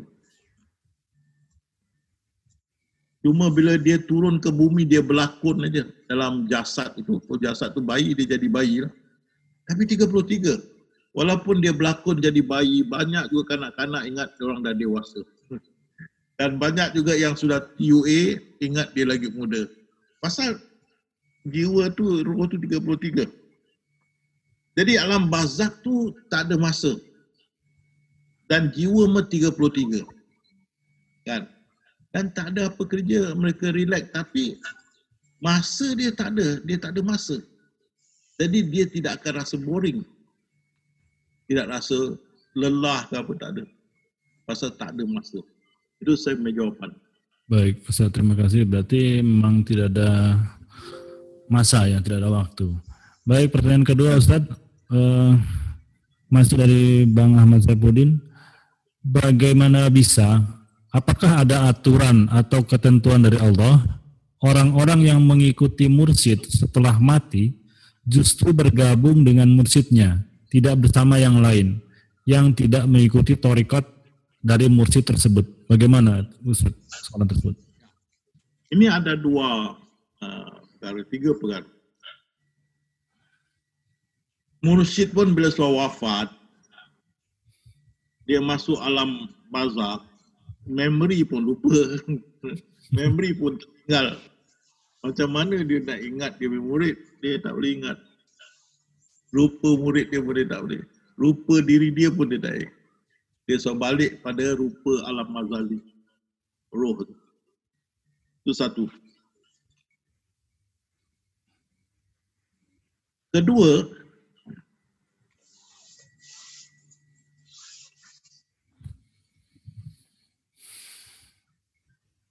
bila seseorang itu sudah mati, mursyid itu tidak boleh tahan. Pasal masa dia di dunia sudah habis. Maka dia tak boleh tahan jiwa itu masuk alam azali. Dan kalau mursyid itu masih hidup lah. Kalau mursyid itu sudah mati macam mana dia tahan, dia pun dah tak ada. Jadi murid itu pun masuk 33, masuk ke alam uh, bazak, alam bazak. Dia pun tak kenal mursyid dia. Mursyid dia pun tak kenal dia.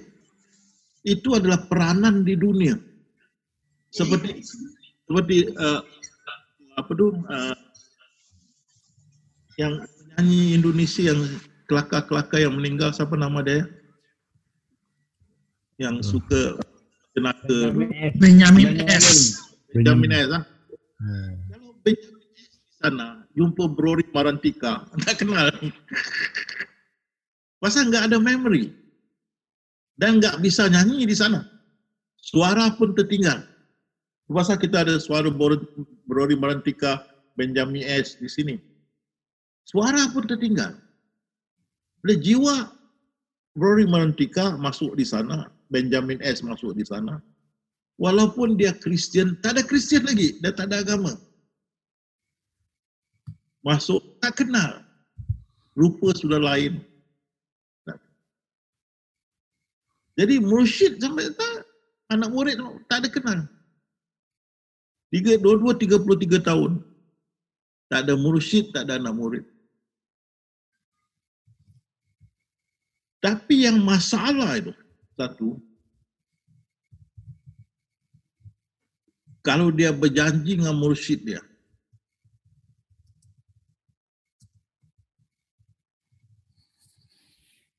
mursyid dia akan datang ambil dia sebelum dia meninggal dunia. Itu kita mau jaga.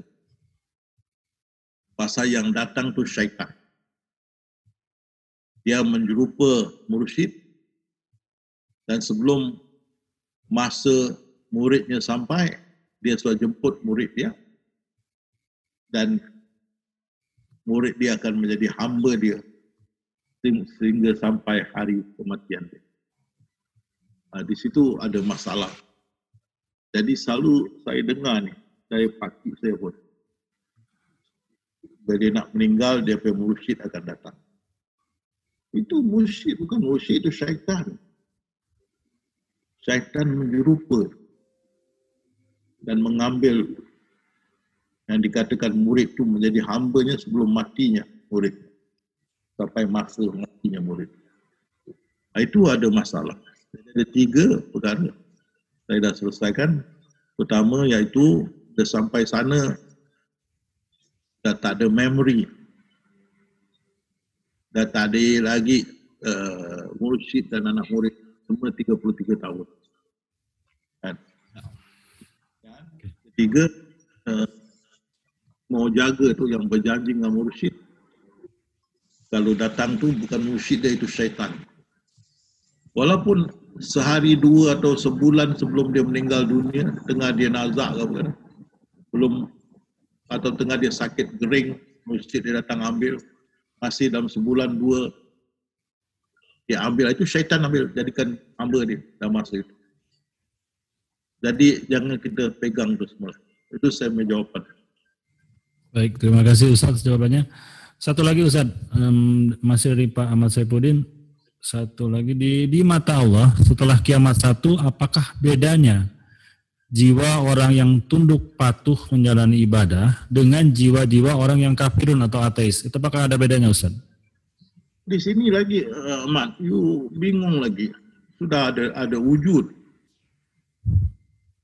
Berarti kita sudah lihat uh, dua wujudan yang Islam dan bukan Islam.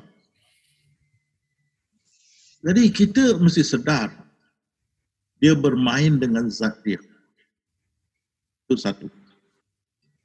Kedua, peranan yang sudah ditetapkan dari firman kun mesti dilakonkan. Kalau dia dapat skrip Kristian, dia jadi Kristian. Dapat skrip Islam dia jadi Islam. Itu yang bezakan kita dengan dia adalah skrip kita, kitab takdir kita. Dan gantung di leher bayi itu, di mana bila roh itu masuk dalam azali, mulai hidup kehidupan dunia, itu skrip dah tergantung di leher bayi itu. Dia kena ikut. Seperti saya katakan, jiwa itu tidak berdosa. Tetapi dia kena mainkan peranan yang tersangkut di leher bayi itu peranan yang dituliskan dalam kitab hidup dia atau kitab uh, takdir dia. Dia kena lakonkan. Dan kita semua lakonkan seolah-olah ini bukan lakonan lagi. Ini adalah sebenarnya padahal lakonan. Hanya orang yang faham, yang mengerti, dia dia tahu. Dia faham lakonan. Tapi yang tidak mengerti, dia ingat ini dia. Ini bukan berlakon ni. Betul, betul, betul. Kalau tak berlakon, siapa mau jadi miskin? Kalau tak berlakon, siapa tak mau jadi handsome? Kalau tak berlakon, siapa mau jadi PUA? Kan? Kalau tak berlakon, semua mau gaji besar. Kalau tak berlakon, semua mau kaya raya. Tapi bila berlakon, tengok skrip lah masing-masing. Jadi di sini Allah firman, hidup ni senda gurauan. Dia pergi senda gurauan sandiwara dia kita kena bersandiwara. Kampung akhirat iaitu surga. Adalah bagi orang yang bertakwa. Mana takwa apa? Orang yang taat menjalankan perintah dia. Jadi kita ni ikut perintah dia A to Z itu takdir dia tu sakitlah, peninglah, sedihlah, nangislah, itulah, ini, ikut. Semua acting best in the world. Kan? Jadi bila kita wafat, orang kafir tak boleh berkata, Ya Allah, kau jadikan aku kafir, hidup kafir, kau dah tetapkan aku mati kafir, kau dah tetapkan, takkan kau nak masukkan aku dalam neraka? Pagi itu, sahabatku dia ditetapkan lahir Islam, hidup Islam, mati Islam, takkan dia masuk dapat skrip gini dia masuk surga, aku dapat skrip ini masuk neraka. Dia dapat yang baik, aku dapat yang buruk. Mana keadilan? Maka Allah ada firman aku tidak hanya-hanya ciptaan. Akulah maha pengasih, maha penyayang. Rahmatku mendahului kemukaan. Maka itu dia berfirman dua firman dia. Hidup di dunia ini senda girawan. Kampung akhirat baik bagimu, bagi orang-orang yang bertakwa, taat menjalankan perintah dia. Apa perintah dia? Ini dia skrip dia. Kita ikut.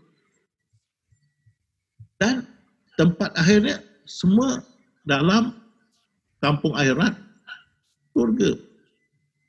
Di sini menunjukkan Allah sebenar-benarnya maha pengasih, maha penyayang. Tapi ini pandangan ahli sufi. Pandangan syariah ni, ini yang menjadi Islamofobia. Ini yang buat kita uh, tak boleh bersatu atau berdamai dengan kafirun. Karena orang syariah mati-mati mengatakan orang kafir mesti mesti masuk neraka macam dia Tuhan. Semua amalan amalan ahli-ahli kafir uh, tak boleh diterima. Malahan banyak juga ahli kafir, orang kafir ini lebih baik daripada orang Islam. Ingat Rasulullah sallallahu alaihi hantar sahabat ke satu raja. Tak lupa tempat dia. Dia kata ini raja Kristian adil. Orang pergi ke sana supaya tidak diseksa oleh kaum Quraisy. Maka sahabat-sahabat ada pergi. Raja Habsah, kalau saya tak salah. Atau negara Habsah. Ha. Raja yang adil. Kristian. Dan Allah berfirman dalam Al-Quran. Ada orang Yahudi kamu kasih simpan uang ringgit kamu, dia akan kasih balik. Ada yang tidak.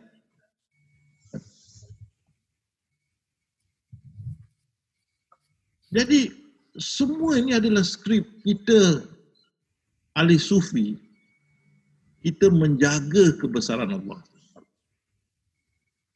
Kita tidak mahu orang tomah nama Allah. Kita tak mahu orang kata Allah itu zalim. Kita tak mahu orang itu mengata, mengatakan Allah itu suka menyiksa.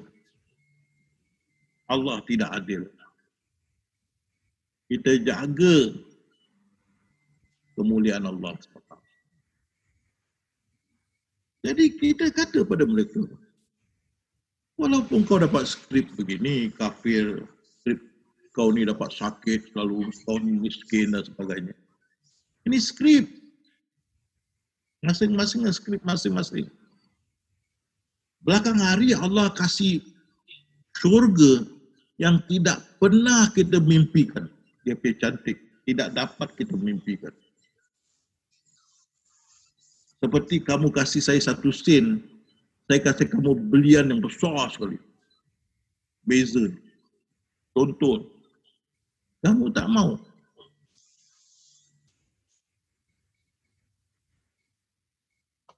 Jadi kita menjaga ini pasal itu di alam korak yang saya masuk.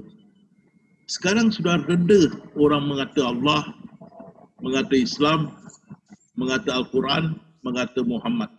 Rasulullah. Oh dulu bebas orang mengatakan kerana ahli syariah tak berani. Kamu hukum syariah mereka tak mau terima. Tapi kita pakai ahli sufi. Kita terangkan cara kiasan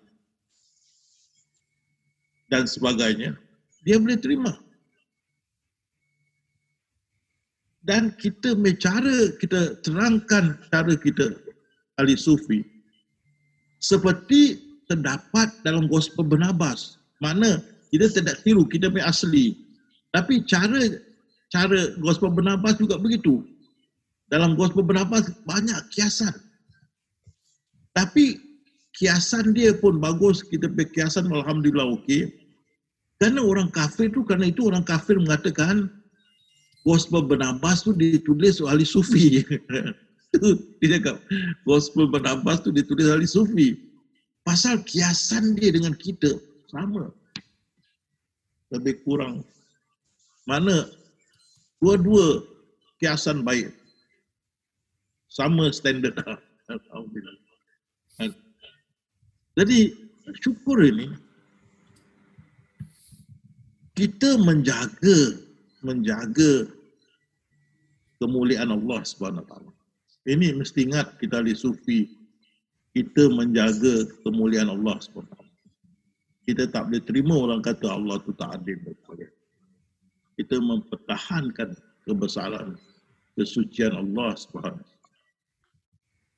Karena itu bila kita bawa ini perkara, semua orang adalah berlakon dengan skrip masing-masing dan semua akan masuk surga Senyap orang kafir. Tak ada lagi sebut Allah tak adil. Tak ada lagi sebut Allah itu, suka menyiksa. Tidak lagi sebut Allah itu zalim. Ini ahli sufi. Cara ahli sufi. Tapi kalau kamu pakai syariah, wah, menjadi Islamofobia. Kan? Dan kita tengok dalam gospel Barnabas juga, atau kita tengok juga ni ahli Kristian. Bila dia pakai dia punya ulama punya pandangan, tak boleh kena dengan kita. Pasal dia balik pada Tritunggal, balik pada uh, Isa tu anak Tuhan. Tak boleh. Tapi kita ahli sufi mengatasi syariah kedua-dua. Kita tunjuk jalan yang tengah adil yang boleh diterima. Jadi itu jawapan saya. Baik, terima kasih Ustaz jawabannya. Baik, sebelum pertanyaan tertulis lagi, saya lempar ke grup, ke forum. Dipersilakan untuk yang ada dalam forum Zoom meeting ini untuk bertanya. Dipersilakan. Assalamualaikum warahmatullahi wabarakatuh. Waalaikumsalam. Bang Dedi, silakan Bang Dedi Firmansyah. Iya, nama saya Haril Anam dari Bali. Hmm, menyambung pertanyaan minggu lepas yang Ustaz katakan makom hakul yakin. Tolong dijelaskan apakah makom hakul yakin tersebut berkaitan dengan tauhid. Uh, minggu lepas ada tak ikut dia. Oh. Minggu lepas uh, Syaran tidak ikut dia tazkirah. Ini terputus sepertinya Ustaz. Uh, pasal uh, minggu lepas saya sudah terangkan. Ya, ya.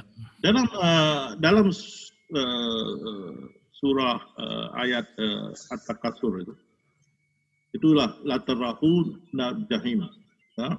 Ha, lepas itu uh, ainul yakin. Lepas itu ilmu yakin, ainul yakin.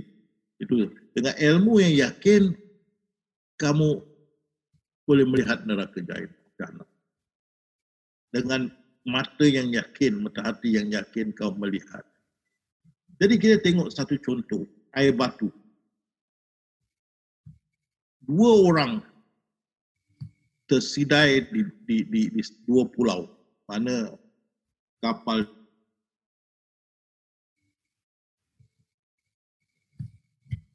dua-dua pulau penuh dengan air batu.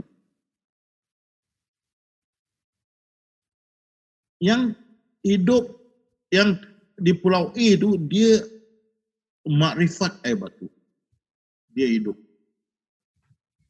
yang di pulau B tu dia tak makrifat air batu, dia mati dahaga.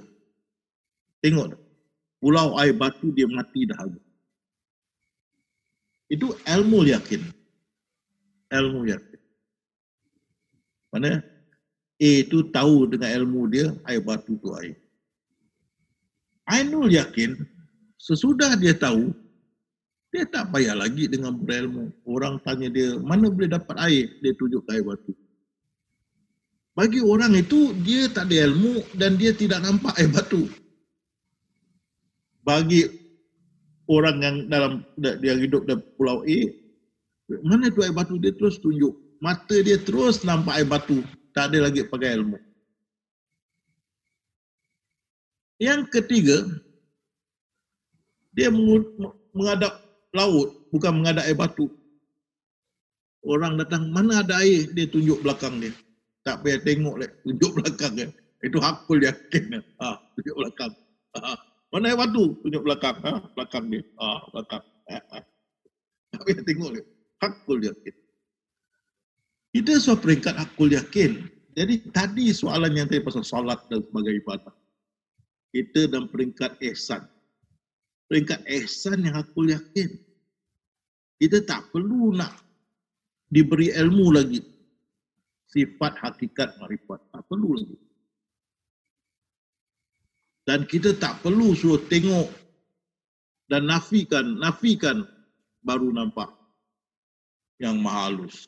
Tak, tak, tak payah lagi dengan mata hati, nafi, nafi. Kita sudah otomatik, sudah ternafi ni semua. Aku yakin, dah tak payah.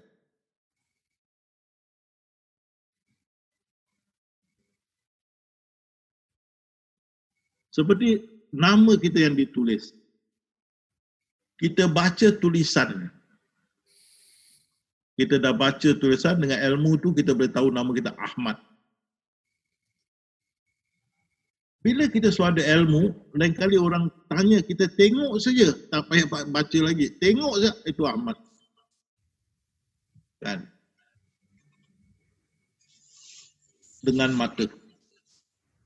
Lain kali orang tanya, siapa nama kamu? Kita cakap Ahmad tunjuk kat situ. Tak payah tengok tunjuk Ahmad tertulis kat situ. Aku yakin peringkat.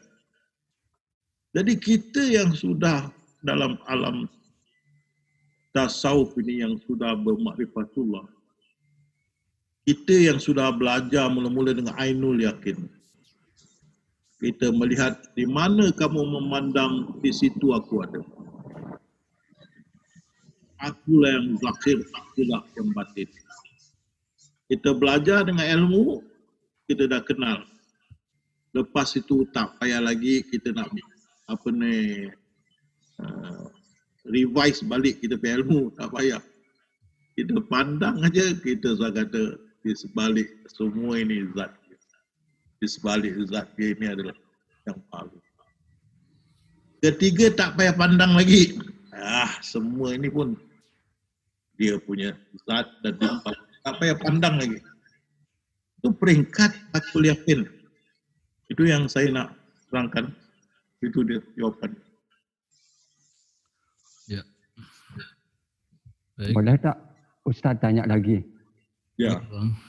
Ada tiga soalan, tiga soalan Ustaz yang bertingkat bang. Yang ingin saya tanya tanyakan uh, peringkat walia mursida dalam torekot, apakah sudah dia termasuk kategori arif billah Ustaz? Pertanyaan yang kedua, apa namanya? Hmm, apakah cahaya yang Ustaz lihat pintu alam barjah kuning keemasan tersebut berupa Ka'bah untuk menyamakan dengan apa yang saya alami juga cahaya pintu alam cahaya, barjah. Cahaya, cahaya apa tu? Cahaya apa pintu dia? alam barjah yang di sarahan Ustaz hati dan mata hati.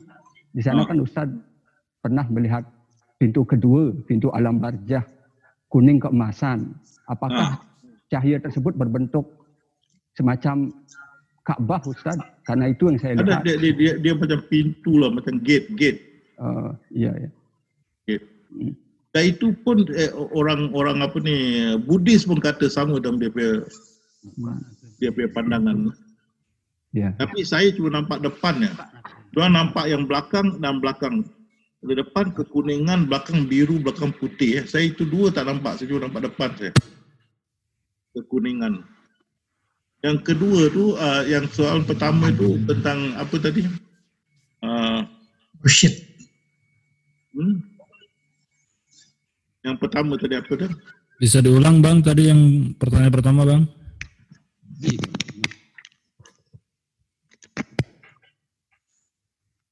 Tidak ada? Ada. Tadi yang pertama yang tadi. Pertama, apakah Walia Mursida termasuk oh. dalam kategori dia seorang arif billah dan pertanyaan yang terakhir Ustaz uh, ke kata ahli sufi ni Ustaz hi al at-tauhid hijab tauhid tauhid itu adalah dinding yang ditauhidkan makasih jawabannya Ustaz Okey ini yang yang yang yang yang yang pertama ini pertama kita adalah tasawuf jalan Nabi-Nabi. Kita awaluddin ma'rifatullah. Bagi Arif Billah, dia boleh buka pintu-pintu makrifat terus saja. Dan pintu-pintu makrifat ni ada dalam ayat-ayat Al-Quran.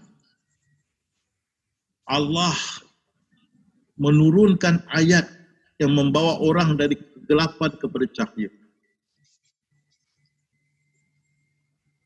Inilah ayat-ayat makrifat. Takhir batin, awal akhir. Tidak jatuh selai daun mereka dalam dalam pengetahuanku. Di mana kamu mandang, di situ aku ada maha besar, maha tinggi. Ini adalah ayat-ayat pintu marifat. Untuk buka ini ayat pintu marifat ini mesti ada kunci. Dan saya Alhamdulillah dapat kunci ini Rasulullah Sallallahu Alaihi Wasallam. Pasal itu saya boleh bukakan sehingga kalian mengatakan, wah senangnya marifat. kat YouTube pun terus marifat. Saya tak ada. Pasal saya dah bukakan dengan kunci-kunci yang kunci yang diberi pada saya. Kalian lihat dari zaman selepas Imam Ghazali sampai sekarang ada macam saya buka pintu marifatnya. Lihat. Ada yang menulis buku dan uh, tazkirah di YouTube sejelas-jelasnya ada. Itu saya kata seribu tahun satu. Kalau seribu tahun satu, yang lain mah. Itu pasal banyak serindi bergaduh, amat serindi bergaduh. banyak orang-orang tarikat terbengkalai di tepi jalan. Imam Ghazali berkata banyak duduk dalam dunia khayalan sehingga mati. Kerana yang nak dikejarkan tidak dapat jadi berhayal. Dan saya sudah ceritakan di London, saya jumpa dua mursyid. Saya bukakan pintu makrifat dia punya murid yang ter, yang senior bangun. Bagaimana kamu dengan sekelip mata boleh buat kita faham kita dah ikut mursyid begitu lama, lebih dari 10 tahun kita tidak faham. Pasal dia tidak bukakan. Maka mursyid dia kata, oh saya mesti bersihkan sesuci, sucinya murid saya baru saya bukakan. Saya tak mau cakap, tapi dia adalah tasawuf jalan wali-wali tarikat. Kita nabi-nabi, tapi saya ada kunci dia. Pasal kalian mendapat pasal itu walaupun kita tidak pernah bertentang mata. Kita tak pernah kenal sesama sendiri. Kamu di Indonesia, di tempat-tempat yang saya pun tak pernah pergi. Dan saya di Singapura, Namun kita dapat bersatu. Kerana ilmu ini. Kerana kunci di tangan saya, Alhamdulillah. Alhamdulillah. Pasal itu kita dapat bersama. Kerana ini yang kamu cari, ini yang saya keluarkan. Dan Alhamdulillah ilmu ini di, di, di, di, disimpan di Indonesia. Memang tempat jadi di sini saya katakan, datuk saya, bapa saya, pakcik-pakcik saya sudah 40-50 tahun dalam tarikat. Datuk saudara saya, khalifah lagi. Bila saya buka, dia tercengang. Macam mana kau boleh dapatnya? 40 tahun aku cari, aku tak boleh jumpa. Kau boleh dapat. Kau lagi muda daripada aku kan ya. ya. Mursyid yang di London pun cakap saya kagum uh, kamu boleh buka rahsia kebar. Saya tak ada problem, saya ada kuncinya. Saya boleh buka mana saya pergi pun saya boleh buka. Kan? Syukur. Jadi jangan kita suai ikut saya balik semula pada tarikat. Itu yang bawa awak jatuh ke bawah. Tidak boleh naik. Pasal pertama zikrullah kita lain. Kedua kita terus kepada Allah. Tidak wasilah pada mursyid atau wasilah menerusi saya. Tidak. Terus ya. Benar tak saya ajar awak jangan wasilah menerusi saya. NST mana naik serah dan tunggu kepada siapa? Kepada siapa? Allah. Kepada saya. Dan jadi kalau masih mau pegang pada uh, mursyid ke mursyidah ke, maka uh, sudah jadi rojak. Ilmu sudah jadi rojak. Pasal tarikat dia tidak terus kepada marifat. Jadi syariat, tarikat, hakikat, marifat. Makrifat pun dia tak boleh, ter, uh, hakikat pun dia tak boleh terangkan dengan sejelas. Kita boleh pakai apa tu sandal copet kita boleh terangkan sifat hakikat mereka. Mereka hakikat susah. Jadi saya nasihat kepada jamaah yang mana pegang pada ini tarikat lepaskan pasal itu imam bercakap duduk bila, bila, bila makrifat tak tercapai duduk dalam dunia khayalan sampai mati sudah ingat peringkat tinggi. Kalau dah peringkat tinggi, kenapa tak makrifat? Tak sampai mencapai makrifat dan hidup dalam hayat. Itu Imam Ghazali berkata. Ya. Itu saya punya pertanyaan. Baik, Ustaz. Yang, yang ketiga itu, Tauhid menghijabkan Tauhid lah. Sudah kan? Berarti kalau kita ingat kita masih ada, kita terhijab lah. Kita terhijab. Pasal apa? kalau kita faham yang tauhid dan mentauhidkan satu juga. Tak ada dua. Kalau saya beri contoh dalam uh, syarahan saya di YouTube, awak boleh tengok yang orang yang sembunyi di sebalik pokok. Belakang dia tanya, apa khabar? Belakang jawapannya, khabar baik. Berapa orang? Satu ke dua? Satu. Ha? Satu. Satu. Kamu nampak dua, terijaplah. Dia tauhid, mentauhidkan, dia itu mengijabkan yang mentauhidkan. Ha. Tetap dia bermain. Kan? Itu jawapan saya lah. Ya. Ada ya. Baik Ustaz, uh, ini mungkin pertanyaan terakhir Ustaz yang ya. tulis dari sahabat kita yang ada di Solok Ustaz. Jadi hmm. banyak sahabat-sahabat kita yang di Solok itu sebelumnya sudah mengikuti beberapa tarikat. Nah, hmm. dalam tarikat itu uh, berbaiat kepada seorang mursid atau yang di sini bergelar Tuan Guru Maulana. Nah, uh, dengan adanya saran Ustaz di YouTube dan ada beberapa yang sudah mengikuti seminar, mulai banyak yang uh, mengikuti saran Ustadz.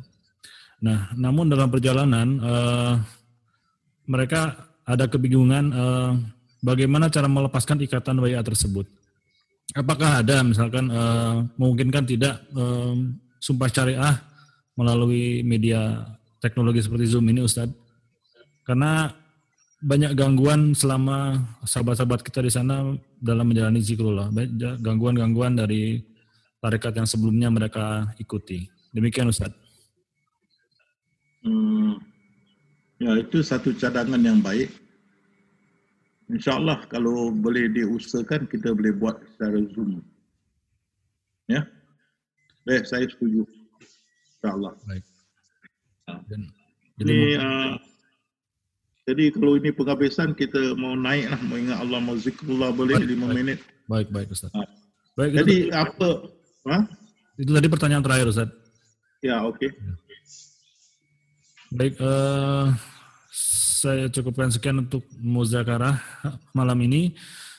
Mungkin ada beberapa pertanyaan yang tidak sempat uh, terlontar atau disampaikan kepada Ustadz. Insya Allah di lain waktu, kesempatan kita bisa sampaikan lagi kepada Ustadz. Baik, untuk penutup seperti biasa kita akan melakukan zikrullah, insya Allah akan dipimpin oleh Ustadz kita. Baik, kami persilakan ya. Ustadz. Baik, saya mau ingatkan, jadi kita ingat dalam minda kita Allah, kita ingatkan, lepas tu kita fokus, mata kita fokus kepada dalam minda tu ingat Allah, lepas tu kita fokus dia terkunci, kita istiqamah, dan masa istiqamah tu hendaklah kita baca suratul ikhlas banyak-banyak masukkan di bawah base camp kita tu atau dalam minda kita. Penuhkan minda kita dengan suratul ikhlas. Ingat Allah dulu. Allah fokus kunci istiqamah kasih dalam lima, lima minit itu baru start baca surah ikhlas membantu ingatan itu. Okey, so sedia bismillah ingat Allah. Allah dalam Allah. Fokus. Mata fokus. Dia terkunci boleh rasa istiqamah tunggu arahan. Ingat Allah. Istiqamah Okay, mulai baca surah ikhlas, masukkan dalam minda. Penuhkan.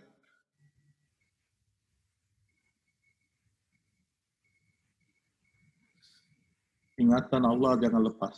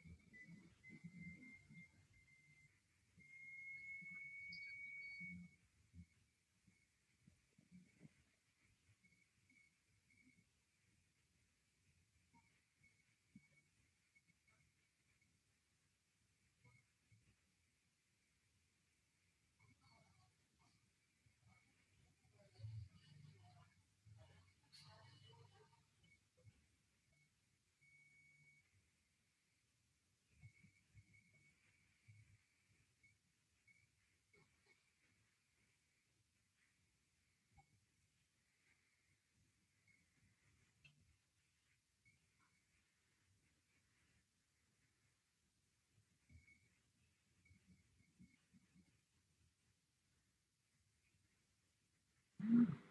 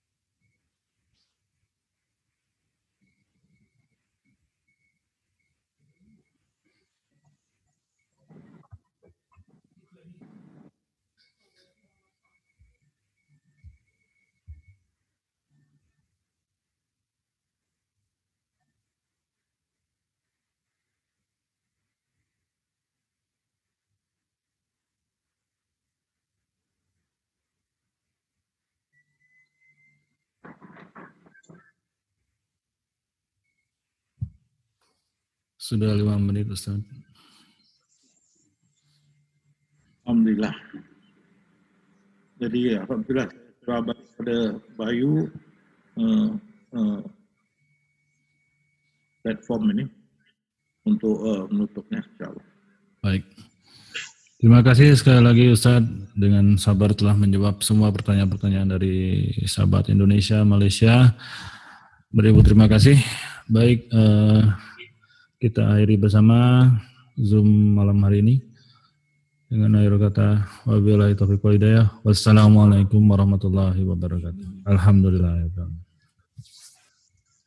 Waalaikumsalam Ustaz. Terima kasih Ustaz. Terima kasih Ustaz.